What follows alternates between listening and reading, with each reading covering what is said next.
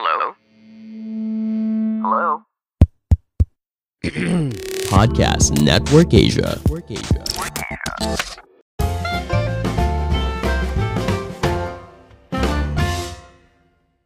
Halo semuanya, kembali lagi bersama saya Madianto. Selamat datang di konten terbaru saya tentang opini dan keluh kesah saya seputar keuangan, minimalisme, dan budgeting. Skrip ini murni ditulis oleh saya dan pendapat saya sendiri sebagai opini saya.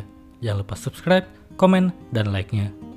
Langkah hemat dengan memaksimalkan fungsi barang dalam hidup minimalis. Bagi yang belum tahu, apa itu minimalisme atau gaya hidup minimalis? Gaya hidup ini adalah gaya hidup yang mementingkan kebutuhan, memaksimalkan fungsi barang yang dimiliki dan juga membuat segala hal menjadi sederhana, bukan malah memperumit segalanya. Minimalisme atau gaya hidup minimalis adalah salah satu kunci bagi kita dalam melangkah menuju hemat. Meskipun dalam prakteknya, gaya hidup minimalis tidak mempedulikan harga barang, tidak peduli barang mahal atau murah. Yang penting punya fungsi yang sesuai dengan kebutuhan, maka akan kita beli. Tetapi hal ini bukanlah suatu kekurangan, melainkan kelebihan dari gaya hidup minimalis.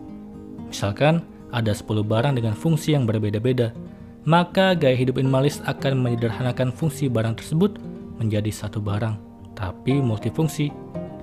Misalkan, di zaman dahulu kita punya beragam barang seperti catatan, telepon, faksimal, perekam suara, kalkulator, kamera, perekam video, alat internet. Nah, di zaman sekarang, barang-barang itu bisa dimanfaatkan menjadi hanya satu barang. Coba tebak, apa barang itu? Benar sekali, yaitu smartphone. Mungkin kamu ketika menonton YouTube ini atau mendengarkan podcast ini, saat ini menggunakan smartphonemu yang gampang dibawa ke mana-mana, bisa sambil makan, tiduran, atau sambil bekerja atau sekedar menunggu kemacetan. Hal ini sangat bermanfaat selain mengurangi jumlah barang yang ada dengan adanya smartphone, kita bisa membuat lega ruangan kita.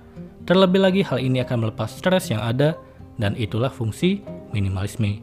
Menyederhanakan segalanya dan membuat semuanya menjadi lebih bermanfaat dengan hanya sedikit barang. Kalau hal ini kamu terapkan di kehidupanmu, diharapkan kamu akan dapat menghemat waktu, hemat uang, dan tenaga.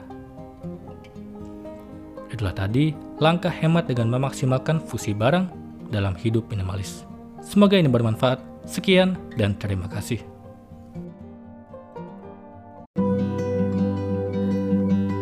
Pandangan dan opini yang disampaikan oleh kreator podcast, host, dan tamu tidak mencerminkan kebijakan resmi dan bagian dari podcast Network Asia.